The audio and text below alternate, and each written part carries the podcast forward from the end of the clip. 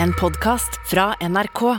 De nyeste episodene hører du først i appen NRK Radio.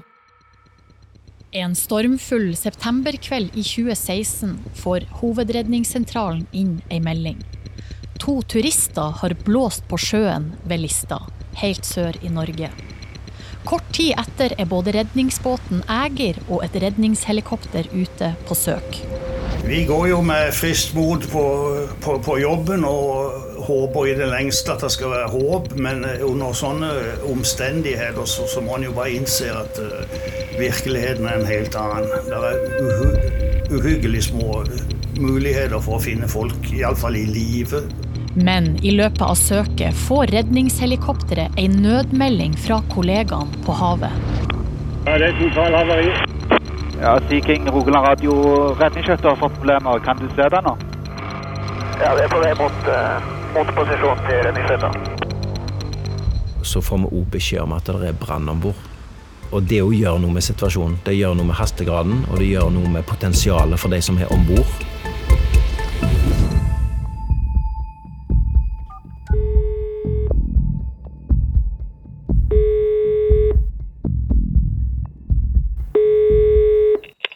Du hører SOS Nødtelefonen og historier om Ægirs siste oppdrag. Norge består av mange ulike nød- og redningsetater. En av de som hjelper folk i nød på sjøen, er Redningsselskapet, også kalt RS.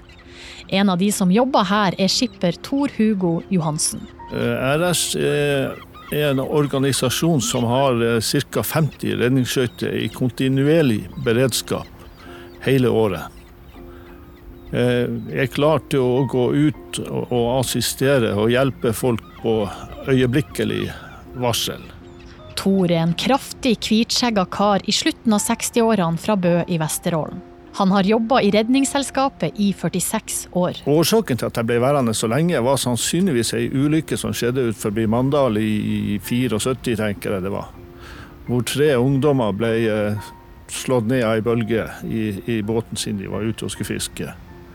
Og vi var med og, sammen med brannvesenet og, og fant de og tok de opp og fikk de overlevert til familien de følelsene som jeg så hos familien som fikk sine døde tilbake og fikk ei grav å gå til, det, det, gjorde noe med meg. Jeg kan ikke forklare helt hva det var, men, men det gjorde at jeg så for meg et, et liv som redningsmann. Tor jobber på redningsskøyta Ægir, som er stasjonert i Farsund, helt sør i landet. Ja, Ægir er en båt på 64 fot maskinkraft på 2000 hester, slepekraft på 12 tonn. Dyrehuset er sånn omtrent midt på båten, og, og, salong, bysse og messe er, er, nede i båten. Samme, og lugarer hvor vi, hvor vi bor hele tida. En fantastisk god sjøbåt. Når han er på vakt, som varer i fire uker av gangen, bor han på båten med styrmann Jan Adolfsen og maskinist Chaba Lango. Ja, Jan og, Jan og Lango de, de ble som, som, min andre familie. Ja, man blir, man, blir, man blir, veldig godt kjent. Man kjenner, man kjenner de fleste detaljene med hverandre. Så, så, vi bor jo tettere enn vi, enn vi bor med familien hjemme. Og vi, vi har mer tid sammen enn vi har med familien hjemme. 29.9.2016 starta dagen sånn som den bruker på RS-båten Ægir. Vi har frokost, og vi eh, går gjennom dagens gjøremål og lager oss middag og har oss en middagstrekk etterpå. Sånn som vi, eh, sånn som vi bruker å gjøre. Men så, utpå kvelden får de inn ei melding fra Hovedredningssentralen. To personer har blåst på sjøen, og nå er de forsvunnet. Det er blitt mørkt, det blåser ganske friskt, og eh, vi får melding om å kaste løs. Eh, gå mot eh, Lista, mot Bårdshavn. Der eh, har sjøen slått to mann på sjøen. Det første vi gjør, det er å starte opp båten og så hive løs fortøyningene.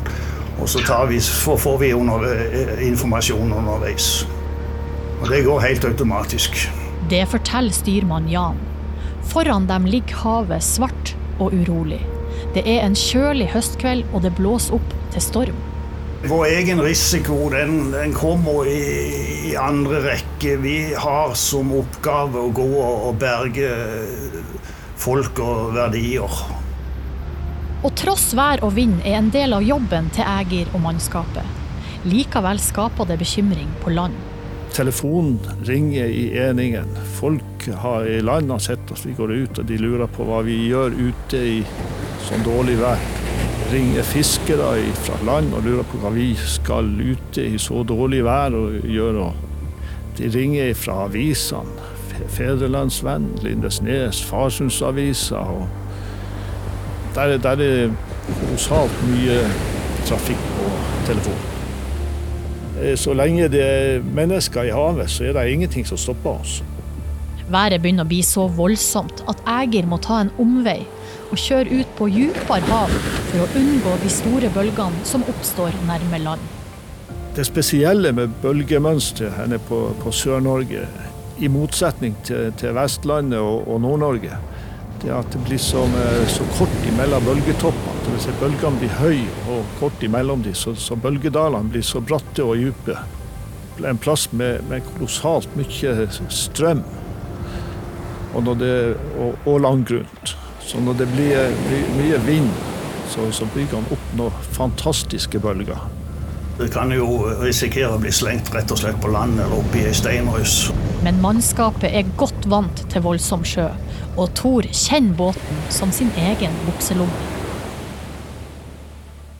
Omtrent 11 mil nordvest for Ægir, på Sola flyplass ved Stavanger, har redningshelikoptertjenesten 330-skvadronen fått den samme meldinga fra Hovedredningssentralen. Det eh, var vel i nitida på kvelden. Eh, vi får eh, en alarm. Person tatt av brottsjø fra Molo. Ikke en ukjent problemstilling. Folk er ute og ser på stormens krefter og, og blir tatt av ei bølge. Redningsmannen Sveinung Tjessem er en av seks crewmedlemmer i helikopteret denne dagen. I løpet av 15 minutter er helikopteret i lufta. I helikopteret er også navigatør Stein Erik Ansetmoen. Da vi nærmer oss ned til, eh, til stedet på lista, så eh, har vi fått beskjed av Hovedredningssentralen at vi skal lete inne i bukta på innsiden av Breknesholmen. I eh, utgangspunktet har vi fått beskjed om at det er to personer som har falt i sjøen. Fra det åpne havet kommer redningsskøyta Eger nå inn mot Lista. Med store lyskastere og varmesøkende kamera begynner de søke etter de savna personene i det stormfulle havet. Som styrmann så, jo, så, så, så har jo jeg hovedsakelig da eh, prøver å ha oversikt over, over flerkamera, eller som det heter. Det, det varmesøkende kamera. Se om det er noe å observere. Samt, samtidig så må man jo selvfølgelig kikke ut av frontvinduene og se om det er noe eh, å observere i i, søkelyset. Innafor en stor mollo som er bygd for å beskytte fortøyde båter mot det åpne havet, ligger en fiskebåt som har blitt bedt om å bistå i søket. Men fiskeren svarer raskt at det går ikke. Og det er helt korrekt. Det var ikke mulig å komme ut der. Havet var et eneste kok. Det var ei kvern inni der, så han prøvde seg å gå ut, han ble knust. Egir fortsetter søket alene. Utafor moloen langs land omgitt av ti meter høye, stupbratte bølger. Vi går jo med friskt mot på, på, på, jobben og håper i det lengste at det skal være håp, men under sånne omstendigheter så, så må man jo bare innse at uh, virkeligheten er en helt annen. Det er uhy uhyggelig små muligheter for å finne folk, iallfall i live. Høyt oppe i lufta, et godt stykke unna Ægir, durer nå redningshelikopteret over Listalandet. Også de bruker varmesøkende kamera for å få bedre sikt i mørket. Vi starter søket inne i Holmen, og etter en stund så oppdager vi at det er eh, folk som har funnet en mann i sjøen.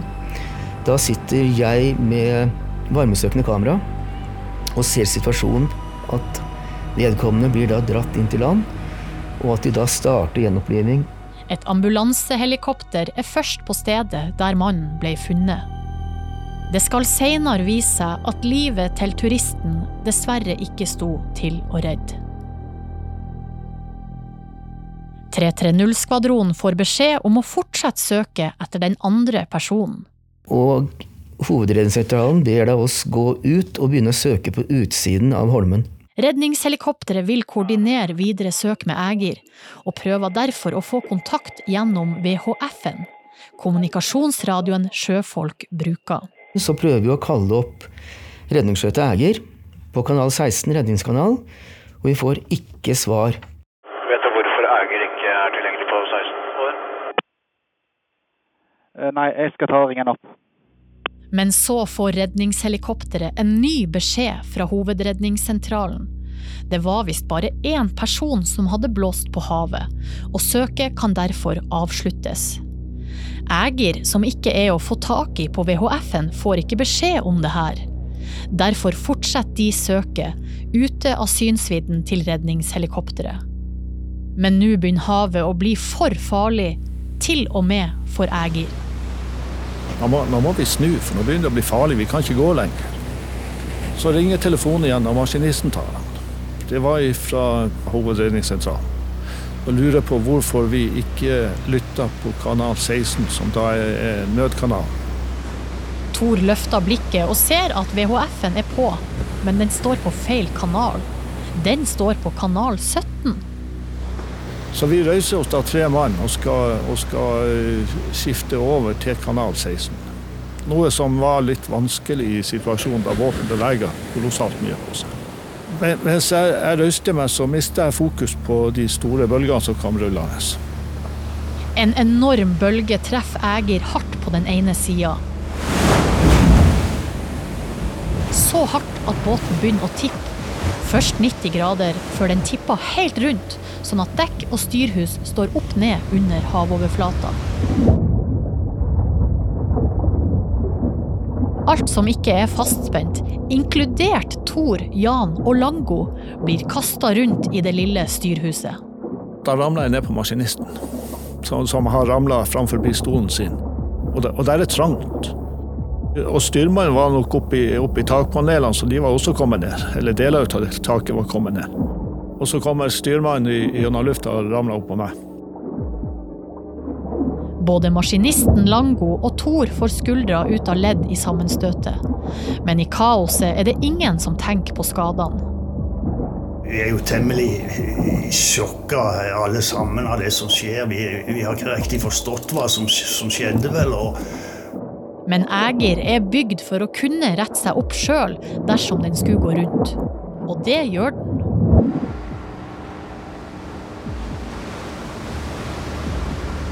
Det er et sekund, og så er båten tilbake på rett kjøl igjen. Så vi har ikke noe følelse at vi har lagt oppå hverandre før at vi begynner å skal røyse oss igjen. akkurat idet man greier å komme seg på beina igjen og, og få reist seg opp igjen, så kommer det faktisk en ny bølge, og så er det akkurat samme leksa. Vi ligger i samme hjørne alle sammen. Den nye bølgen sender Ægir rundt nok en gang. Denne gangen blir alt maskineri slått ut av drift. Strømmen går, og kommunikasjonsmaster knekker. Så ryker jo all kommunikasjon til, til maskiner og GPS-er og altså satellittnavigasjon. Og så det at det første er jo et forferdelig spetakkel fra, fra alle alarmene som går, og samt selvfølgelig så er, så er jo lyset godt, og det er jo kålmørkt. På tross av at kommunikasjonssystemet er slått ut, vet styrmann Jan råd. Han eh, finner da en, eh, en eh, nød-VHF, en, bæ en bærbar sak, og får meldt ifra til redningssentralen at, at vi har gått rundt. Vi har svevet rundt her. Det er totalhavari. Ja, Sea King Rogaland Radio redningsskøyter har fått problemer. Kan du se det nå? Ja, vi er på vei mot, eh, mot posisjon til redningsskøyta. Redningshelikopteret, som nå er ca. en kilometer unna, setter umiddelbart kursen mot Ægir. Om bord i båten er det kaos. Han skjønner ikke riktig hva som har skjedd, så det, at eh, det, tar, litt, det tar litt tid å komme til, til sans og samling. og hva skjer? Kommer det en ny bølge? Kommer det en ny rundkast? Så det at det En har ikke oversikt over noen ting. i grunnen. Det er veldig kaotisk. Men når mannskapet har fått summa seg, oppdaga de raskt at båten er utsatt for større farer enn strømbrudd. Vi, vi kikka ned i salongen, der var, der var det fullt av hvit røyk. Mayday, mayday. Ja, vi har Nei, det er fyr om bord i tillegg nå. Så vi håper vi blir plukka opp snart.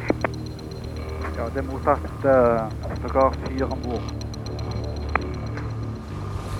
På vei bort til Eger og så får vi òg beskjed om at det er brann om bord. Og, og, og, det å gjøre noe med situasjonen. Det gjør noe med hastegraden, og det gjør noe med potensialet for de som er om bord. Og det haster veldig. På tross av mørket finner de raskt posisjonen til Eger. Fra helikopteret ser Stein Erik båten. Og eh, da vi nærmer oss, så ser vi redningsskøyta ligger der, helt mørkelagt. Og den ligger jo og bare dupper og blir kasta rundt i bølgene som det er under, ja, rundt omkring ti meter. Da vi oppdager at det kommer røyk ut, så blir jo situasjonen enda verre. Når redningshelikopteret er ca. 25 meter over båten, går døra opp. Redningsmann Sveinung festes i vaieren som skal heise han ned til båten. Samtidig så blir jeg ikke heist veldig langt ned under buken på helikopteret før jeg må begynne å løfte opp svømmeføttene for ikke bli tatt av bølgene. For det, det, det er høye bølger og, og, og bratte. Vi får brukt litt tid på å kalibrere oss for forholdene. Satt oss opp for heising. Det viser seg heldigvis at røyken ikke var brann, men et brannslukningsapparat som hadde løst seg ut. Men det voldsomme været laga flere utfordringer. På Ægir får mannskapet nye instrukser. Vi får da beskjed om at eh, det er så, det er så høye bølger at de kan ikke sende redningsmannen på dekk.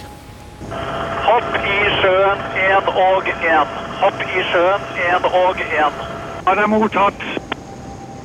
Hopp i sjøen på babord side mot oss og vekk ifra tauene. Hopp i sjøen, babord side mot oss, vekk ifra tauene. Før de kan hoppe, må de få på seg redningsdrakt. Og da kjenner Thor skaden i skuldra. Så jeg fikk han sånn 75% på meg med god hjelp av maskinsjefen. Jeg hadde jo da ei arm som ikke var til å bruke til noen ting. Nei, den var, den var skuldra var slitt sund.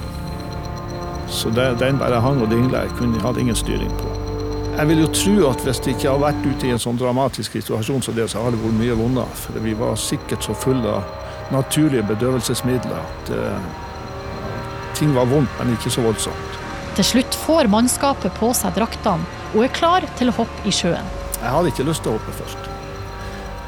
Men uh, de andre to sto og holdt seg fast og hadde ikke lyst til å hoppe, de heller.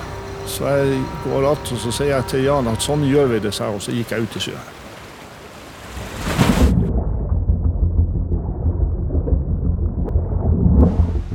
Mens de har holdt på, har båten drevet nærmere og nærmere land. Sveinung, som henger klar i vaieren over, blir raskt heisa ned. Det, det, var bare rett ned, og jeg slynga på, og, og, rett opp igjen. Og det var jo en kritisk del for vår del, da, med, med de bølgene som var rundt, at uh, den, uh, den delen ble gjort fort for å unngå at de ble tatt av de bølgene som dro forbi. Og mens maskinisten Lango klamrer seg fast på dekk, er det styrmann Jan sin tur til å hoppe i sjøen. Og Idet jeg ser at redningsmannen er på vei ned, så, så hiver jeg meg utpå. Men da ser jeg lie etterpå at han, redningsmannen han forsvinner opp igjen. Redningsmannen måtte søke dekning, og Jan forstår fort hvorfor.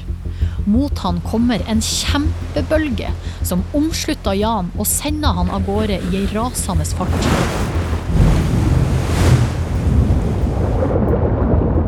Jeg hadde jo ikke peiling på om jeg sto opp eller ned, eller hvilken retning jeg var i. Langt under vann. og jeg hadde en dårlig følelse når du kjenner du blir blaut nedover inni drakta. Og, men jeg måtte bare konsentrere meg rett og slett om å holde pusten. da. Jeg tenkte meg jo jeg tenkte med meg at hvis ikke han kommer nå, hva skjer det hvis det kommer ei bølge til? da? Jeg frykta jo at neste bølge kunne sende meg inn, inn i ei steinrøys, rett og slett. Sveinung, som henger under redningshelikopteret, ser Jan forsvinne innover. Vi ser noe oransje i det hvite skummet som forsvinner innover. Eh, jeg henger unna, så jeg eh, anser det som relativt viktig at jeg prøver å holde trekk på hvor han er, og, og gir håndsignal for retning på vedkommende. Helikopteret flyr etter Jan for å ikke miste han av syne. Etter omtrent 100 meter åpner muligheten seg. Men han, han sklir ut av den bølga og, og, blir liggende i, i, i, ro. Og ja, jeg kommer meg ned eh, og får tak i han og heiser han opp. I helikopteret blir Jan plassert sammen med Thor. Fra der de sitter, kan de ikke se hva som skjer med Ægir og maskinist Lango. Og klokka tikker. Når, når maskinsjef Lango ikke kommer om bord, da, da, blir jeg alvorlig nervøs. Da, da begynner jeg å tenke på at noe dramatisk har skjedd med han også. Ægir har nå drevet så nærme land at Lango har ikke tort å. På den ene sida av båten et frådende hav i storm. På den andre ei strandlinje fylt med svære steiner. Lango holder seg fast for livet. Fra helikopteret følger Sveinung med. For det er store bølger som tar hele båten og begynner å surfe båten innover. Det er veldig mye tau og, og, og utstyr som henger ut ifra akter på skipet. Tauverket bak båten gjør at Ægir retter seg opp før båten treffer land med et brak. Lango klamrer seg fast. Og når bølga da trekker seg tilbake igjen ifra land, så står egentlig båten halvveis tørt. Altså akterskipet blir slått av bølgene, og det spruter Det spruter sikkert sjø en 10-15 meter opp fra akterspeilet. Men, men båten står på land. Så jeg, jeg, kommer ned på akterdekk med han, eh, og han ligger godt og, og beskytter seg eh, bak eh, akterreilingen der, som, som er, er, tett. Eh, og så står vi på knær der, og jeg tar på hans lynger, og så gir vi hverandre et nikk. Og så gir jeg heissignal opp, og, og, blir heist rett opp ut av,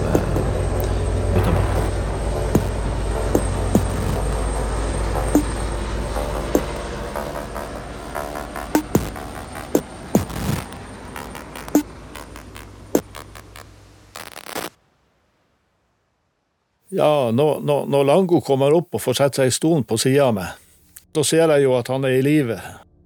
Jeg har jo frykta noe, noe, noe, helt annet. Og da, og da får jeg en, en, en, følelse som kanskje kan beskrives som en lykkefølelse.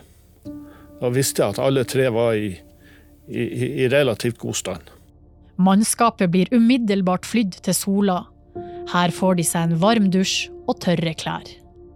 Jeg får hjelp med å dra av meg redningsdrakten som jeg har på meg. Og, og jeg går rett inn i dusjen med de klærne jeg har på meg, for å, å få, å få varmt vann på kroppen. Å komme seg inn i en varm dusj etter å ha vært såpass nedkjølt som, som, jeg var da, det, det, det, det er bare helt uh, fantastisk. Du, du kjenner at livet kommer tilbake i kroppen. Ikke lenge etter blir Thor og Lango frakta til sykehuset. Lango blir raskt sjekka ut, men for Thor er det verre å få på plass skuldra. Jeg begynner jo å kle på meg ei T-skjorte, og sånt, og mens jeg holder på med det, så detter hun ut igjen. Så jeg bare løper ut i døra og roper på legen at nå må du komme tilbake og gjøre jobben en gang til, for nå er bare henger hun igjen. Thor har fått en større trøkk enn han trodde. Det viser jo, Jeg var jo i røntgen etterpå. Da viser jeg det at det er slitt vekk et stort stykke ut av det som skal holde skuldra på plass. Skuldra til Thor må opereres, men før han gjør det, drar han ned til Lista sammen med mannskapet for å se hvordan det har gått med Ægir. For Thor, som har vært sjømann hele livet, blir det et sterkt syn. Jeg opplevde jo det sånn jeg hadde, hadde mista et lem, for å si det sånn. Det hadde jo vært min arbeidsplass i 28 år. Jeg var med og henta han ut fra verftet der han ble bygd. Jeg var med på dåpen av Og jeg var med han i alle år etterpå, så jeg skulle få være med på siste turen. Det var veldig spesielt. Ja, Man skulle ikke tro at man kan få nære forhold til døde ting, men vi gjorde det. Jeg gjorde det.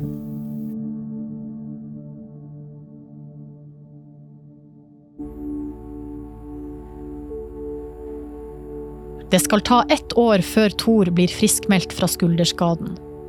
På spørsmål om han ville gjort noe lignende oppdrag igjen, i samme vær, er svaret klart.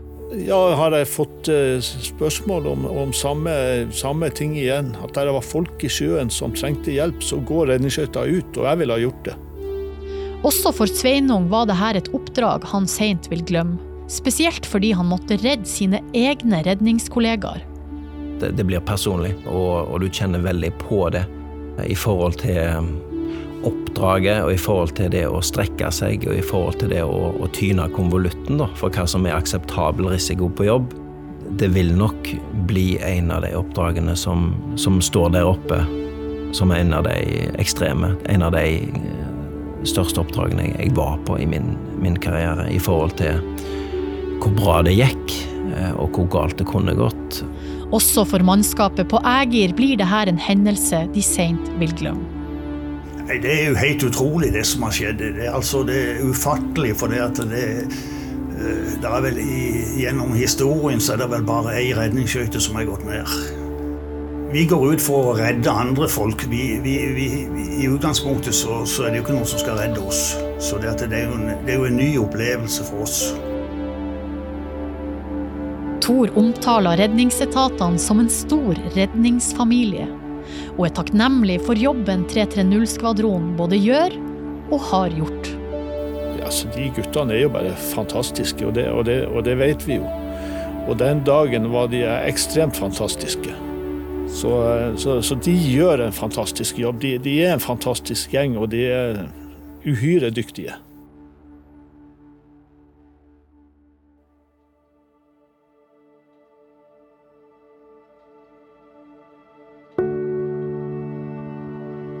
I dag er Thor pensjonert fra et helt liv på havet. Men han kjenner fortsatt at han kan savne å ha duvende bølger under føttene.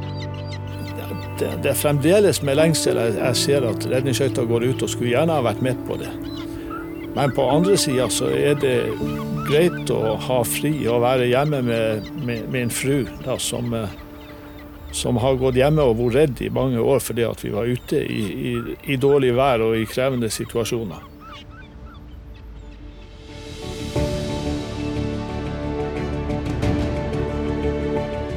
Denne podkasten er produsert av Anti for NRK. Redaktør Markus Støle. Klipp og lyddesign Kent Kampesveen. Og produsent Ingunn Rensel. Redaktør i NRK er Mirja Minjares, og jeg heter Silje Nordnes. Du har hørt en podkast fra NRK. De nyeste episodene hører du først i appen NRK Radio.